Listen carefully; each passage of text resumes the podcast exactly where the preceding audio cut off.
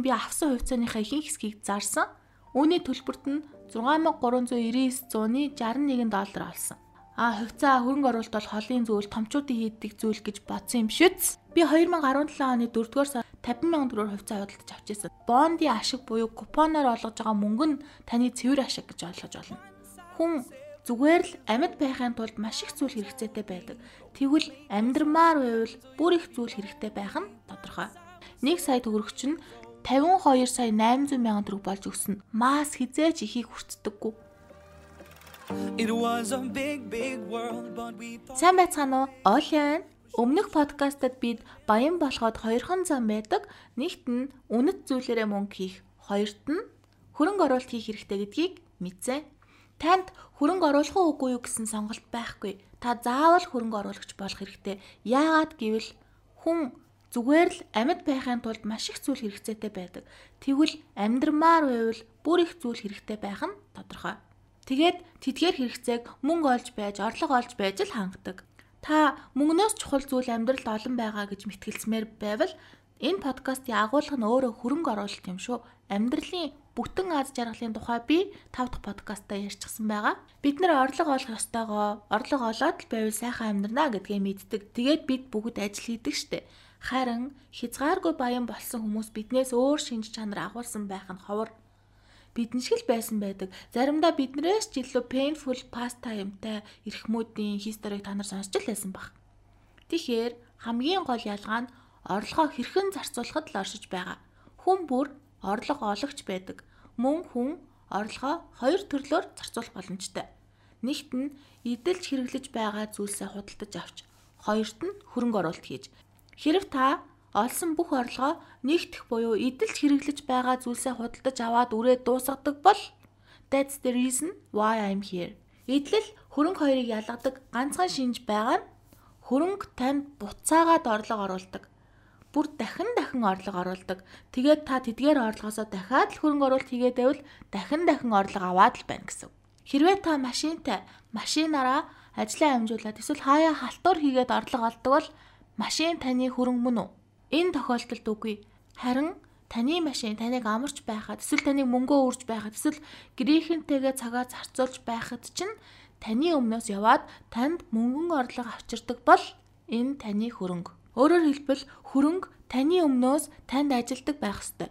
Хэрв та ажил хийгээд орлого олдог бол таны ажил таны хөрөнгө мөн үү?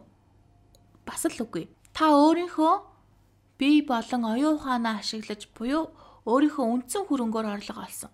Та бизнес хийгээд орлого олдог бол таны бизнес таны хөрөнгө мөн үү? Хэрв та өөрөө цаг наргүй ажиллах хэрэгцээ байсаар байгаа бол үгүй. Харин та өөрөө шийдвэр гаргах түвшинд хүрчихсэн бусад ажлууд системчлэгдсэн бол тийм. Яг бизнесийн тухай хальт ордвол бизнес бол нэг үгээр асуудлын шийдэл.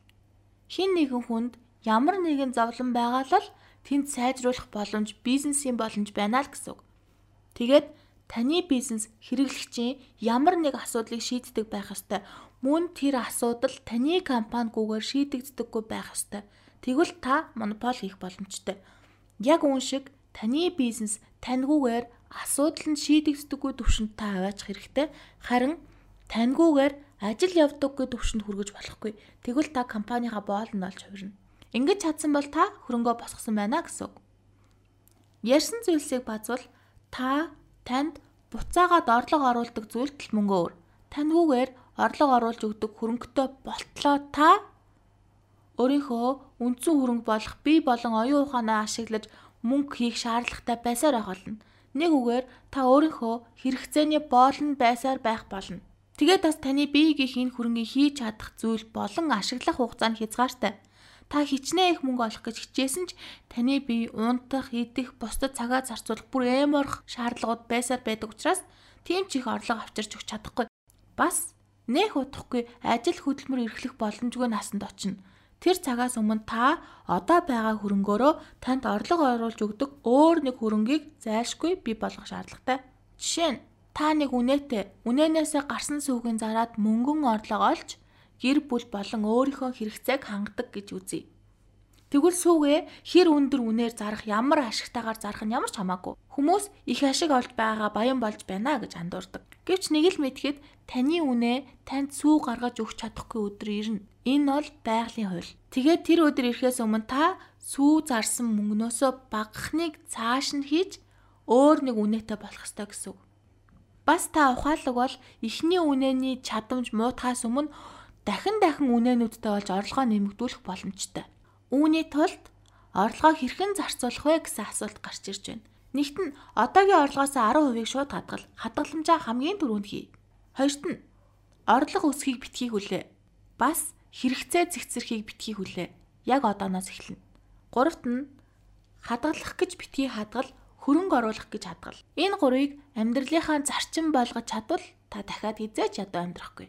Та одоо Хөрөнгө бол таны өмнөөс танд мөнгөн орлого оруулж өгдөг зүйл. Тэгээд хөрөнгөтэй болохын тулд одоогийн орлогоосоо багахныг танд буцаагаад орлого оруулж өгөх зүйл зарцуулах хэрэгтэйг мэдлээ. Тэгвэл хөрөнгө оруулалт хийх дараах дөрвөн хэлбэр байдаг. Нэгт нь компанид хувь эзэмшиж, хоёрт нь хадгаламж хийж, гуравт нь бонд, дөрөвт нь хувьцаа. Тус бүрт нь давуу болон сул талууд байгааг хитгэн хормын дараа тайлбарлана. Энд дурдаагүй нэг зүйл нь өөрийн бизнесээ эрхэлж хөрөнгөтэй болж болох ч энэ подкастта таны өмнөөс та өөрөө ажиллахгүйгээр мөнгөн орлого олох боломж ярьж байгаа болохоор би бизнесийг ярихгүй өнгөрч байгаа юм шүү. Хөрөнгө оруулалтын хэлбэр 1 компани тов эзэмших. Энэ нь үнэт цаасны зах зээлд хувьцаа бонд гаргаагүй ч үйл ажиллагаа нь ашигтай, амжилттай явж байгаа нэг их том биш компани тодорхой хувийг худалдаж аваад жил бүр ноогдол ашиг авах боломж юм. Мөн буцаагаад өөрийнхөө хувийг зарах бас боломж байгаа. Энэ маягийн жишээ нь Shark Tank нэвтрүүлэг. Хоёрт нь хадгаламж банкнд мөнгө хадгалах нь ямар ч ашиггүй гэж хүмүүс боддог. Гэхдээ урт хугацаанд маш ашигтай байж болдог. Хүү өсдөг зарчмыг ярилцъя. Одоогийн Монголын банкуудын хадгаламжийн хүү 12% орчим байгаа. Та сар бүр 100 мянган төгрөгийг 12% хүүтэй хадгалвал 20 жилийн дараа 92 сая төгрөгтэй болно. Хамгийн гоё нь та энэ хугацаанд ердөө 24 сая төгрөгийг л хадгаламжиндаа хийсэн. 92-оос 24 гэхээр 68 сая төгрөгийг та хүүний орлогоор авсан гэсэн үг.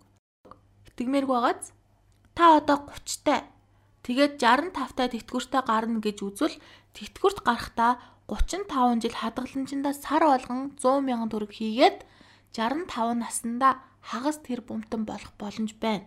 Эсвэл та нэг л удаа 1 сая төгрөгийг 12% хүүтэй хадгаламжинд хийгээд 35 жил мартвал 1 сая төгрөг чинь 52 сая 800 мянган төгрөг болж өгсөн. 51 сая 800 мянган ашигтай гэсэн үг. Одоо таны дотор айгүй гоё асуулт эргэлдэж байгааг би мэдэж байна. Инфляц. Юун 30 35 жил вэ оолья.